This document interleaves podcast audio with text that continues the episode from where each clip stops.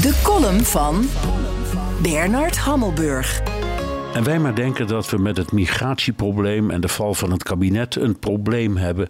Nee, dan de Amerikanen. Die kunnen er ook wat van. Daar is migratie tot een nationale ramp uitgegroeid.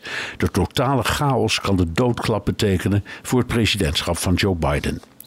Sinds Reagan poogt elke president de immigratie aan de grens met Mexico onder controle te krijgen. Het is onbegonnen werk. Ze springen met gevaar voor eigen leven de Rio Grande rivier in. Ze kruipen door prikkeldraad. Ze proberen het in een andere grensstaat als het niet lukt.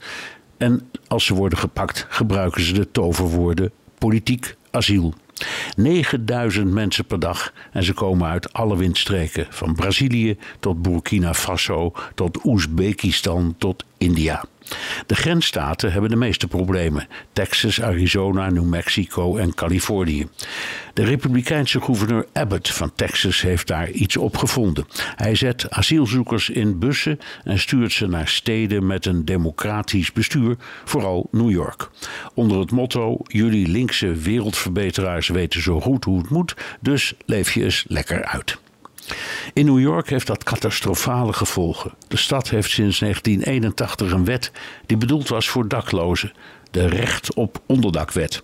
Burgemeester Adams heeft de rechter nu gevraagd om die wet buiten werking te stellen, want opvangcentra kunnen de aanloop niet aan. Wat de Republikeinen die een immigratiestop bepleiten, uiteraard aangrijpen om in hoongelach uit te barsten over de New Yorkse hypocrisie.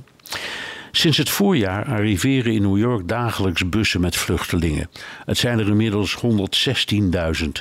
Een deel zit in een kamp op Rikers Island, waar misschien wel het beruchtste huis van bewaring van het land staat. De rest is verdeeld over 200 plekken, waaronder 140 hotels. De kosten bedragen 383 dollar per persoon per dag. Dus dat loopt tot in de miljarden.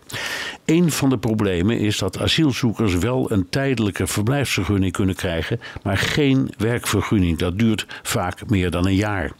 Een deel van de oplossing zou het versnellen van die procedure kunnen zijn. Dan kunnen ze in elk geval aan het werk en in hun eigen levenskosten voorzien. President Biden heeft nu besloten 472.000 Venezolaanse migranten een werkvergunning te geven.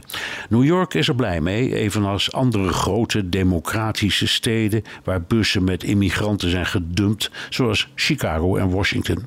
Maar het lost het probleem niet op en het drama aan de grens gaat onverminderd door.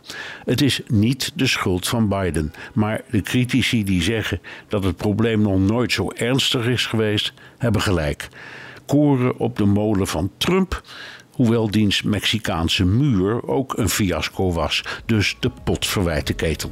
Het is ter apel in het kwadraat en net als wij hebben de Amerikanen geen oplossing.